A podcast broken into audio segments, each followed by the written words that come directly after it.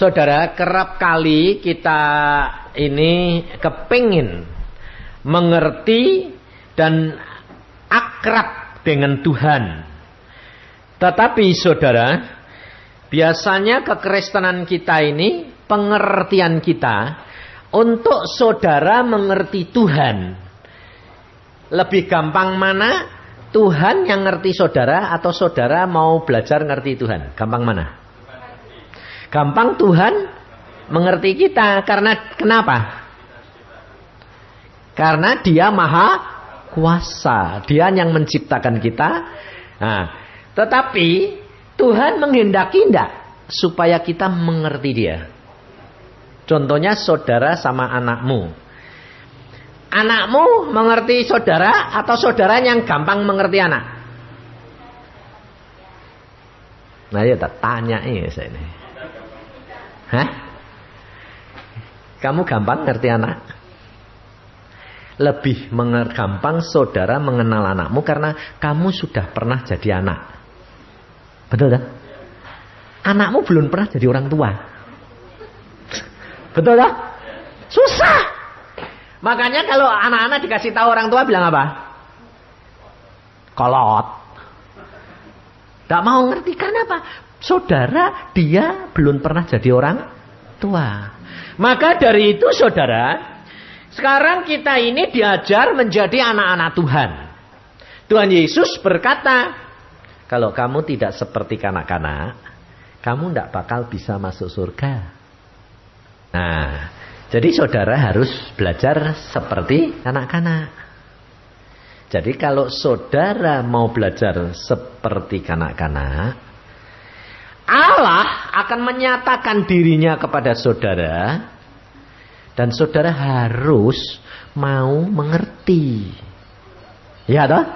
Kalau saudara sendiri jadi orang tua ngajari anak, anakmu kepingin saudara mau anakmu mengerti engkau. Sekarang Tuhan berkata, engkau kalau mau masuk kerajaan surga engkau harus seperti kanak-kanak lah. Kalau saudara sendiri tidak mau mengerti Tuhan, kapan saudara akan dimengerti oleh anak-anakmu? Tidak bisa. Nah, Tuhan Yesus memberi contoh supaya saudara mengerti Bapakmu, Allah.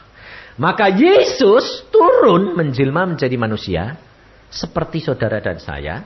Dia memberi contoh bagaimana bisa mengerti Bapak. Nah, bagaimana saudara dan saya bisa mengerti Bapak kalau Bapaknya tidak turun ngasih contoh? Makanya Yesus adalah penjelmaan daripada Allah yang menjelma menjadi manusia memberi contoh saudara dan saya. Jadi kalau saudara mau tahu pikirannya Allah, berarti saudara harus tahu pikirannya siapa? Yesus. Nah, sekarang pikirannya Yesus karena Yesus sudah menjadi manusia seperti saudara dan saya.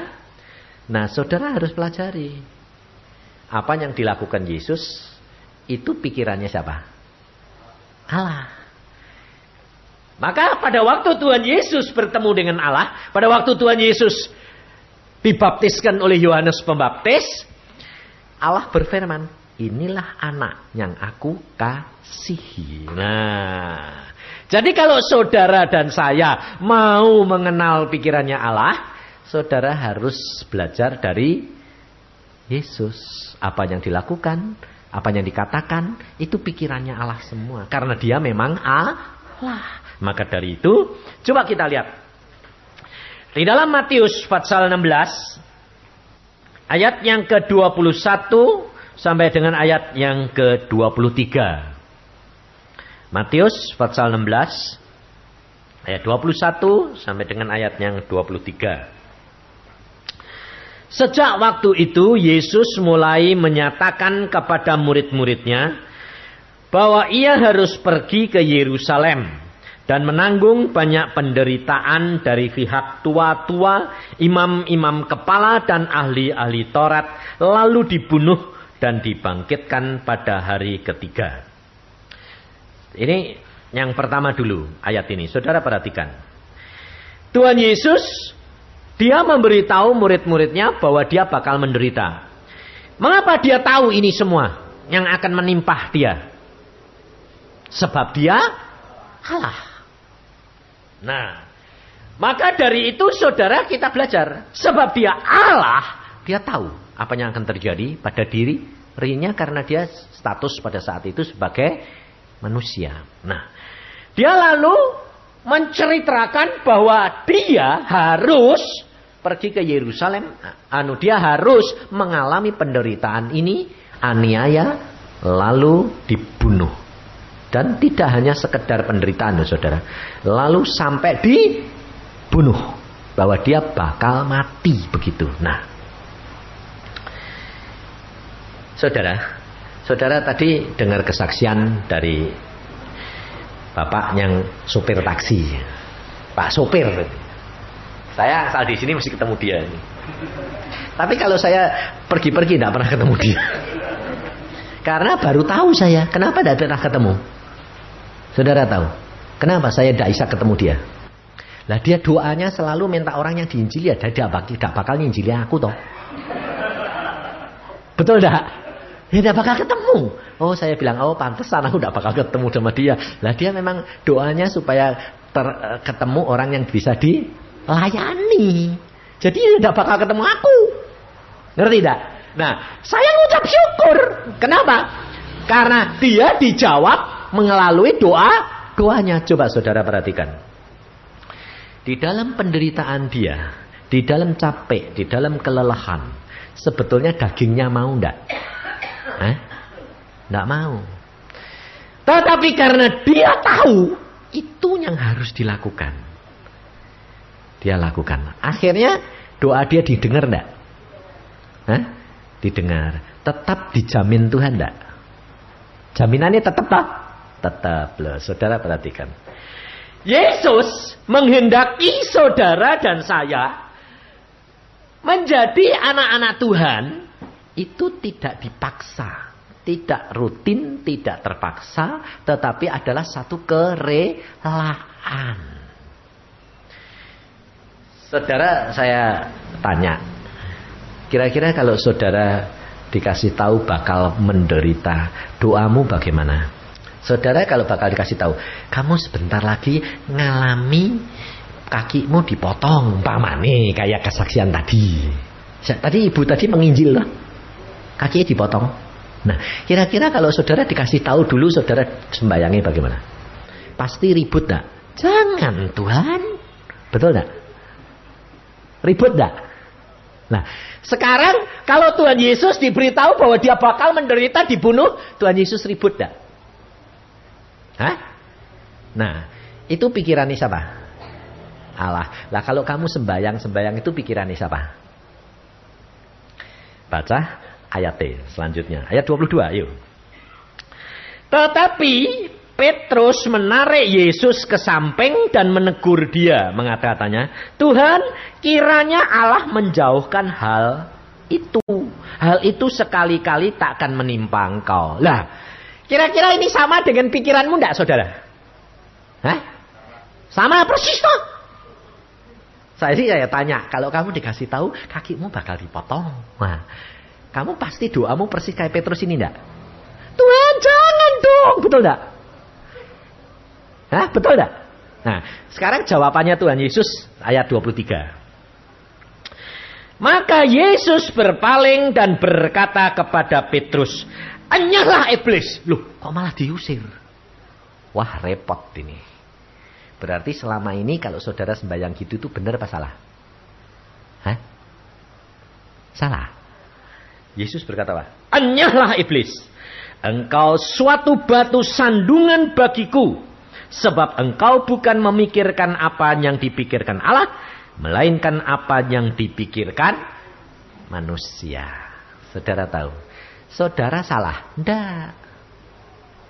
Tetapi kalau saudara berdoa seperti yang dikatakan oleh Petrus, saudara bukan memikirkan pikirannya Allah, tapi saudara punya pikiran-pikiran manusia. Eh, makanya saudara tidak bakal dikasih tahu Tuhan apa yang akan terjadi pada dirimu. Sebab Allah tahu kamu masih berpikiran seperti pikirannya manusia. Nah, kamu mau ndak punya pikirannya Allah? Eh? Mau? Konsekuen? Loh, loh betul lah. Jadi kalau kamu mau punya pikiran-pikirannya Allah, pikirannya Yesus, kalau Yesus ngasih tahu kamu apa yang akan terjadi, kamu ngucap syukur enggak? Ah, berani? Nah, ini saya yang yang saya dengar cuma ketawa toh. Ketawa itu bukan berarti berani, bingung. Bingungnya ini apa? Wah ya ora enak apa gitu.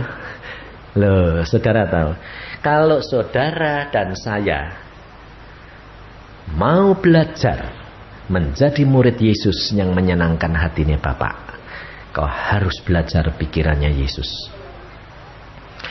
Saudara percaya enggak kalau Allah punya rencana itu baik? Pasti. Meskipun belum tentu enak. Ya dah? Allah jamin enggak? Segala kejadian dalam hidupmu, Allah tahu enggak? Kenapa kamu ribut? Karena kamu kurang per saya. Nah, saudara, saya baru pulang, saya dari baru datang dari Bandung. Kema hari Kamis itu saya baru pulang dari Jakarta. Cuma di rumah, cuma sehari. Datang lagi ke sini. Apa yang terjadi? Pulang-pulang anak saya ngomong gini, "Papa, tanah kita yang kita beli dulu itu loh 50 juta, sekarang harganya sudah 200 juta. Sedang diurus. Anak saya bilang, "Apa? tanah kita dibangun. Sing bangun siapa? Nah, tidak tahu. Waktu saya kema kemarin datang ke sana, pilih, lupa kok tanah ini kok dibangun? Iya, yang bangun siapa? Jenderal. Loh, dibangun pak? Iya. Kenapa? Loh, lah ini ada sertifikatnya itu pak. Saya beli itu pak. Oh iya. Nah, kamu di antaranya ini. Ini ternyata ah, tanah ini sudah diklaim milik jenderal sudah diajukan pada pemerintah karena ini sudah dari dulu diminta. Hah, tapi kan belum keluar, belum, tapi sudah pasti dapat. Secara hukum menang mana? Menang yang punya sertifikat atau yang punya kuasa? Sertifikat. Tapi kenyataannya menang mana? Yang punya surat atau yang punya kuasa? Hilang enggak? Hilang tanah sa saya hilang. Berarti saya bakal kehilangan berapa? Hatinya ikut hilang enggak? Nah itu masalahnya sekarang. Saudara lihat, saya sedih atau susah atau tetap gembira? Kenapa? Aku tidak seorang diri, aku bersama dengan Yesus. Ngerti saudara? Segala perkara yang Allah biarkan terjadi Pasti Allah tuh punya maksud, betul tak? Hah? Nah, maksudnya baik tak? Baik. Baik. Nah, kalau saudara kehilangan baru 200 juta saja sudah, aduh Tuhan. Loh, harga iman percayamu berapa? Hmm? Nah, makanya saudara, jangan suka cuma ngomong. Ngomong gampang, alami. Saya kan selalu ngomong, no? Saya bilang, alami. Kalau kamu tidak ngalami, kamu tidak akan ngerti. Buat saya, uang segitu tuh gede. Betul ya? Uang saya tidak punya kayak segitu. Dulu beli itu maksudnya buat nanti dijual lagi dibuat anak-anak. Eh bersayap. Tapi saya tidak terpengaruh. Karena apa? Anak saya bilang, Pak Kok lucu ya Pak? Kenapa? Kok kita tidak jengkel ya Pak? Kita tidak marah ya Pak? Kamu rasain apa? Damai itu Pak. Nah, itu anak Tuhan. Kalau kamu hanya kehilangan harta benda, kamu sudah kehilangan damai sejahteramu. Itu bukan anak Tuhan. Itu pikirannya siapa? Manusia, bukan pikirannya Allah. Kalau pikiran Allah dia tidak pernah terbatas. Aku adalah alfa, aku adalah omega, aku adalah yang permulaan, aku adalah yang akhir. Ada batasnya tidak? Lah, saudara percaya tidak bahwa harta benda Allah tidak terbatas di sana? Percaya? Nah, jadi masih bingung tidak? Mau punya pikirannya Allah? Nah, sekarang kita belajar. Nah, kalau pikirannya Allah, bagaimana? Saudara, kalau di sini dikatakan ada pikiran manusia, ada pikiran Allah. Saudara dan saya sekarang menjadi anak-anak Allah. Sekarang saudara, kalau ditanya anak-anak Tuhan lah. Nah, berarti kamu harus mulai belajar. Ngerti pikirannya bapakmu. Bapakmu itu sekarang Allah. Jadi kita harus mau belajar mengerti. Nah, kalau saudara sudah mau tahu, berarti saudara mesti baca Alkitab. Kalau kamu tidak baca Alkitab, berarti tidak mau usaha punya pikiran-pikirannya Allah. Anak-anak yang tidak mau nurut dan mengerti pikirannya Bapak E, tidak bakal dapat apa-apa. Kalau saudara dan saya sudah menjadi anak Tuhan, Saudara tidak main-main. Kenapa? Kalau saudara belum kenal Tuhan, kamu main dengan dunia, kamu punya pikiran pikiran manusia dunia, itu biasa. Tetapi sejak kamu menjadi anak Tuhan, kamu harus mulai mengenal kepikiran Allah. Makanya tadi nyanyian bilang apa? Kamu tidak disuruh melakukan yang cemar, tapi harus yang kudus. Karena sejak itu kamu sudah menjadi anak Tuhan. Maka pikiran Allah engkau pelajari di dalam dirinya Tuhan Yesus. Kalau pikiran Allah, Allah itu kasih. Pikiran Allah adalah kasih. Nah, kasih itu menuntut atau memberi? Hah? Memberi. Kasih itu melayani, kasih itu memberi. Tapi tanpa itu engkau tidak akan dapat mengenal kepikiran Allah. Yesus engkau perhatikan. Dia memberi. Dia melayani. Dia berkorban. Untuk ini saudara, harus ada satu kunci buat saudara dan saya. Yesus berkata di dalam ayat 24. Lalu Yesus berkata kepada murid-muridnya, setiap orang yang mau mengikut aku, ia harus menyangkal dirinya. Ini yang utama. Ini yang utama. Menyangkal diri. Ini yang utama. Tanpa saudara dan saya menyangkal diri, engkau tidak akan dapat mengerti pikirannya Yesus. Karena apa saudara? Karena kita punya kepikiran, kepikiran manusia. Nah, kepikirannya manusia itu apa? Egois. Ego. Itu kepikiran manusia.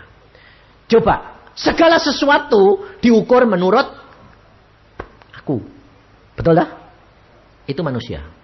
Kalau kepikiran Allah seperti kepikiran saudara dan saya, saudara bakal selamat enggak? Enggak. Sebab diukur ukurannya Allah. Enggak bakal saudara bisa menggenapi Allah. Karena ukurannya dia terlalu besar. Karena dia itu kasih. Dia menjelma menjadi manusia. Ukurannya ukuran manusia. Maka Yesus berkata, kalau kamu mau mengikut aku, Yesus berkata, sangkal diri. Sangkal diri itu adalah rendah hati, saudara. Kalau saudara mau belajar, saudara merasa sudah bisa. Kira-kira bakal masuk enggak pelajaran itu? Enggak. Contohnya, Orang Kristen yang dilahirkan Kristen sudah dari lahir Kristen. Injilin, nanti bilang apa? Kamu belum ada, aku sudah Kristen. Aku, kamu belum lahir, aku sudah Kristen. Orang begitu pasti tidak bisa mengenal Yesus. Itu orang Parisi dan ahli Taurat. Kenapa? Karena orang ahli Taurat dan orang Parisi, dia tidak pernah mau merubah pikirannya. Dia selalu menanggapi firman menurut pikiran manusia, bukan pikirannya Allah. Nah, kenapa Tuhan Yesus di sini berkata pada waktu Petrus berkata, "Tuhan, hal itu jangan sampai terjadi pada dirimu." Kalau Tuhan berkata, "Anyahlah iblis." Kenapa kok Tuhan musir setan nih? Apakah itu pikiran setan? Padahal ayat Alkitab berkata, kamu tidak memikirkan pikirannya Allah, tapi pikiran manusia. Tapi kenapa kok setan yang diusir? Saudara tahu cara kerjanya setan. Yesus itu memberi contoh luar biasa.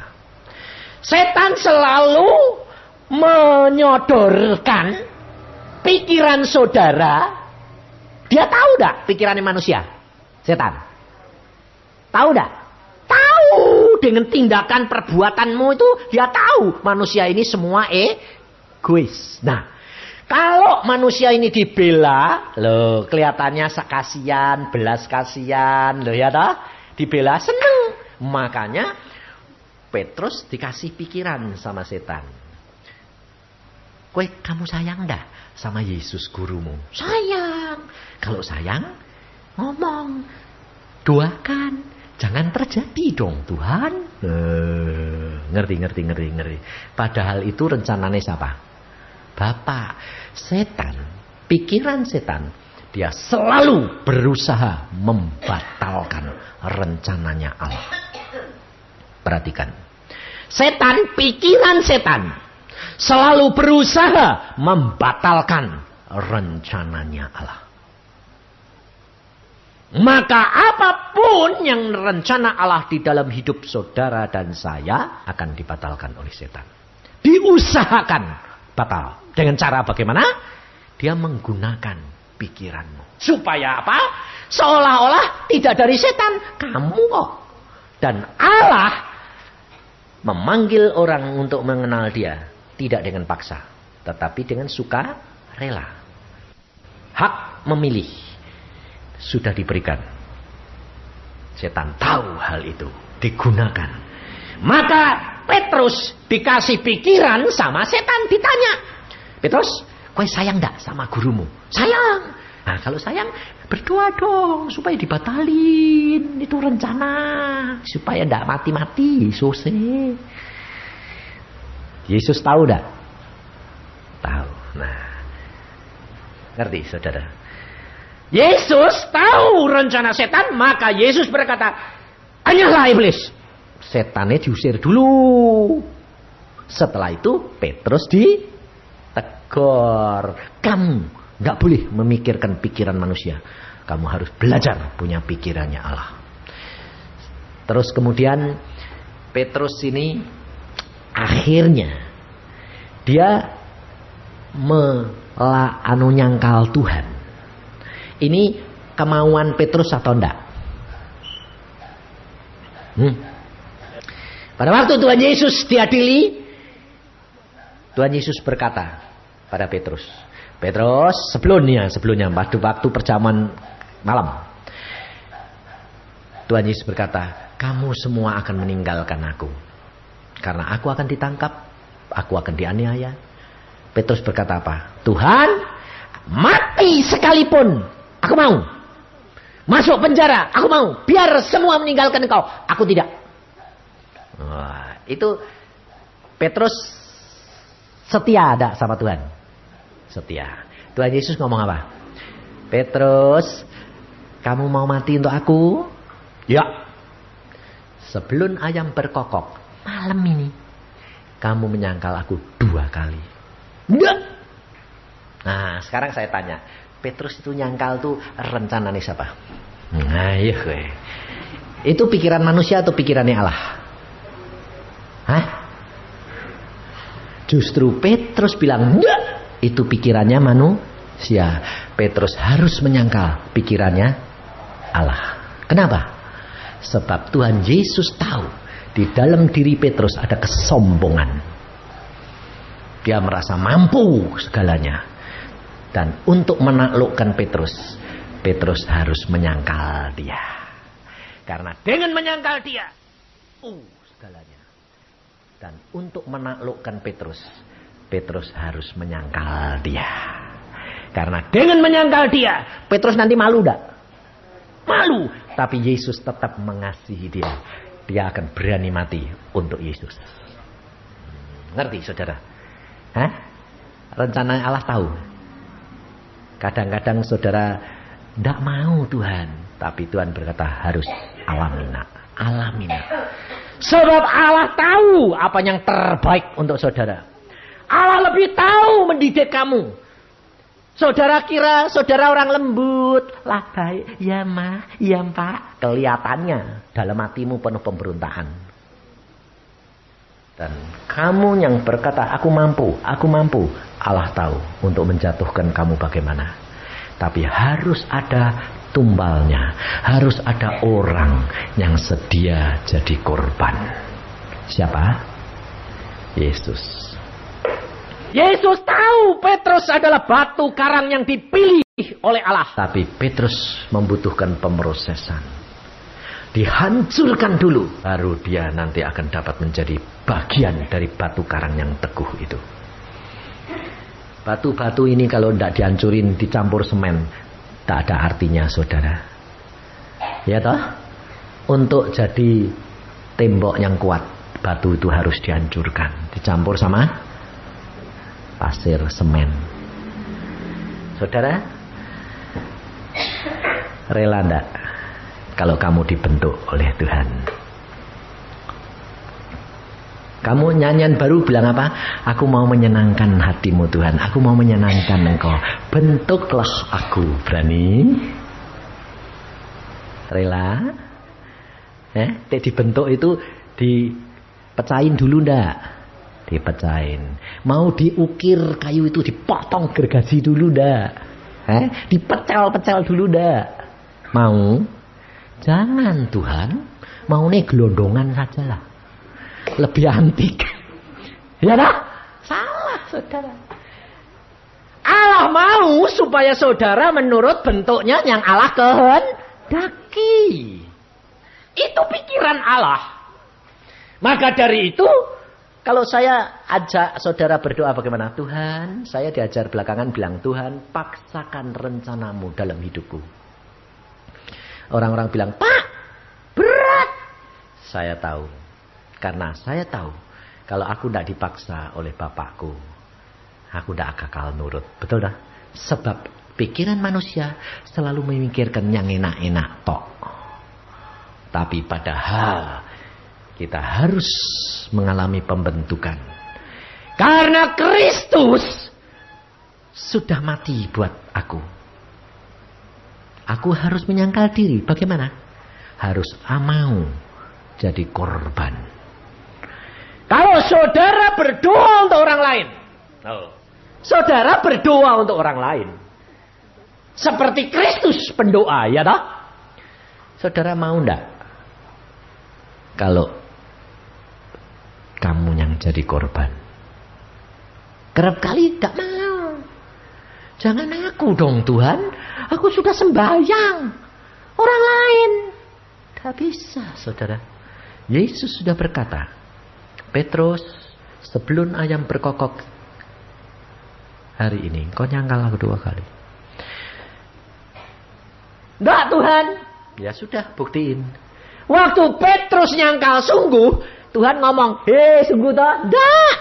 Tuhan cuma noleh, lihat Petrus. Bener toh? Lah, Petrus nangis. Ya Tuhan, betul. Nah, terus nyesel. Aduh, aku kok nyangkal, aku kok tidak bisa taat, aku tidak bisa genepi kata-kata aku sendiri. Loh, pada waktu Tuhan Yesus bangkit, Tuhan menunjukkan kasihnya. Petrus kembali nangkep ikan. Karena apa? Kecewa. Tuhan bangkit. Kok tidak aku yang pertama ditemui ya? Yang ditemui malah Maria Magdalena.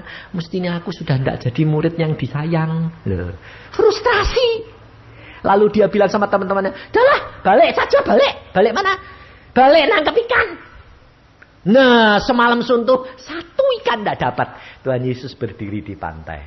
Ada lauk pauk? Tidak ada. Tebarkan jalamu di sebelah kanan. Penuh ikan. Yohanes berkata, itu Tuhan. Petrus loncat Nemui Yesus, dah diajak ngomong. Malah dia ini, yuk makan. Loh, dia kepingin ditegur. Aku dosa Tuhan, Petrus tidak ngaku. Tuhan aku sudah nyangkal kamu, aku malu. Tidak. Tuhan Petrus ngaku dosa tidak sama Tuhan? Tidak. Petrus ngaku tidak di hadapan Tuhan bahwa aku benar kamu Tuhan? Tidak. Gengsinya Petrus itu gede. Dia pikirnya nemui Yesus sendirian supaya kalau ditegur tidak didengar sama teman-teman nih. Enggak, enggak ditegur, enggak. Yuk Petrus makan, ambil ikan sana, bakar. Tambah bingung Petrus. Tapi kalau saudara disakiti hati gitu, eh, ketemu kepengen apa? Hmm? Negor atau malah mesem? Hmm, negor lumayan, negor masih lumayan. Kerap kali ketemu ya, tak perlu lah. Ketemu di jalan dia mau lisanin ke pasar ke sini ke sini,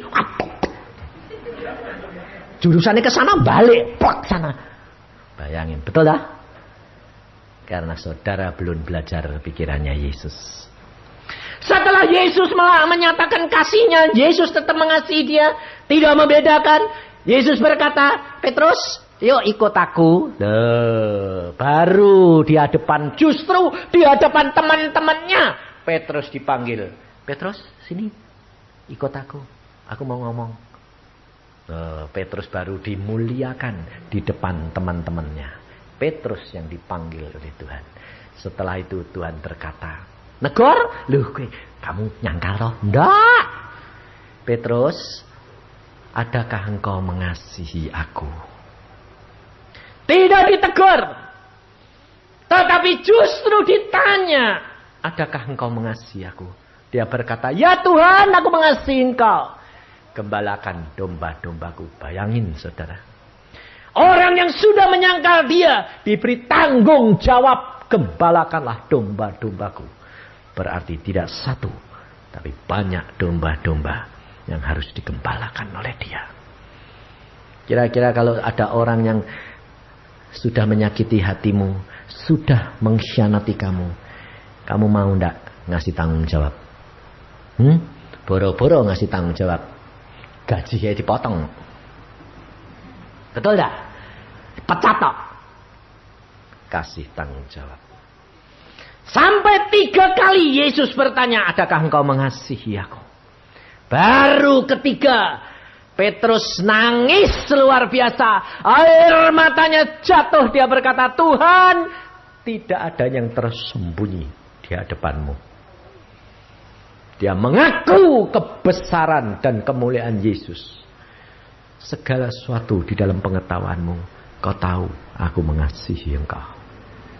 Lalu Tuhan berkata, gembalakan domba-dombaku. Pada waktu muda engkau mengikat pinggangmu sendiri. Nanti kalau kamu sudah tua, kamu mengulurkan tanganmu. Kamu akan dibawa ke tempat yang kamu tidak suka. Tuhan mau menunjukkan bagaimana nanti Petrus mati. Karena dia setia kepada Allahnya. Itu kepikiran Yesus. Itu kepikiran Allah. Saudara. Maka dari itu kita harus mengenal pikirannya Allah.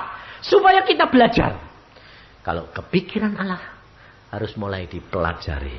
Diterapkan. Kasih. Melayani. Berkorban. Sedia. Jadi pendoa. Setiap keluarga pasti ada satu orang yang diangkat Tuhan. Entah itu ibunya, entah itu bapaknya, entah itu anaknya. Satu harus menjadi korban untuk berdoa. Dia harus mengangkat keluarganya supaya seluruh isi keluarga diselamatkan. Harus ada satu.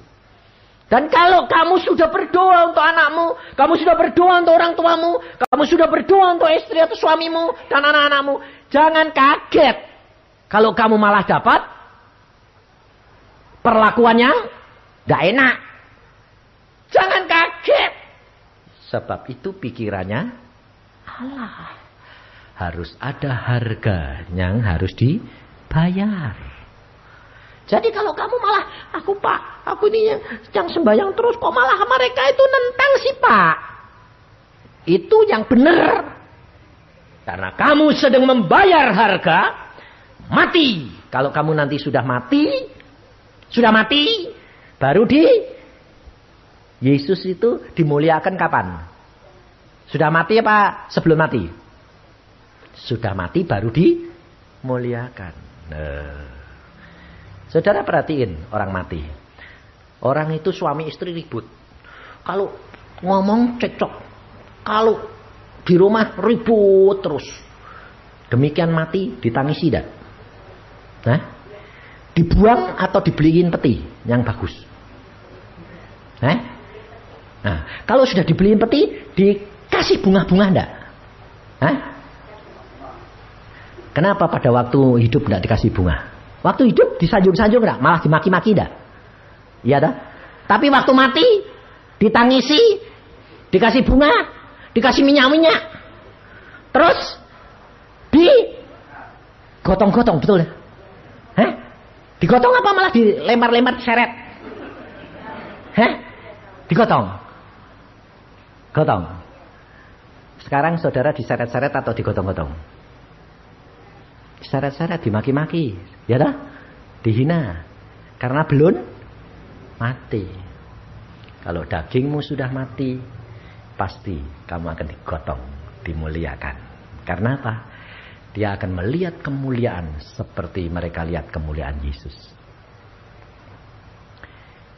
Paulus bilang apa? Hidupku bukan aku lagi, tapi Kristus yang hidup di dalam aku.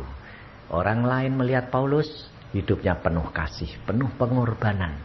Dimaki, dilempari batu, sampai mati ditimbuni batu. Dia diem, akhirnya bangkit lagi. Orang melihat, lihat itu kasih. Pencobaan boleh datang, penderitaan boleh datang, tidak kehilangan damai sejahtera. Itu pikiran Yesus. Maka dari itu saudara kita harus bergumul. Untuk menyerahkan diri kita, sangkal diri kita untuk sedia dibentuk oleh dia. Relakan dirimu dibentuk. Dan kamu harus mengenal pikirannya Allahmu dengan mempelajari cara hidupnya Yesus. Setiap kejadian kalau menimpa saudara, saudara berdoa, Tuhan, ini kesalahanku atau ini pembentukanmu. Kalau pembentukanmu, puji Tuhan. Loh, betul enggak? Loh.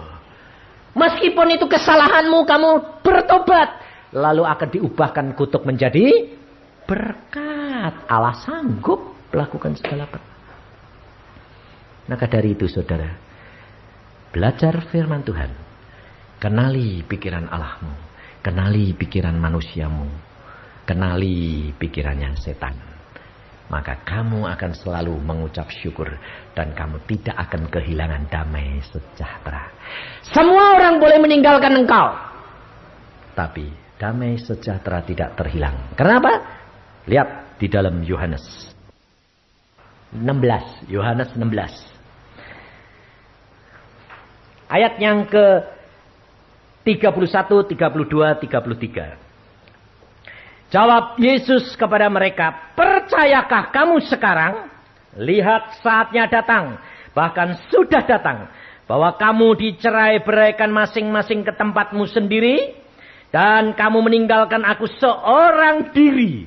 Namun aku tidak seorang diri sebab Bapak menyertai aku.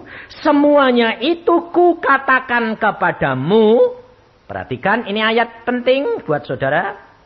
Supaya kamu beroleh damai sejahtera dalam aku.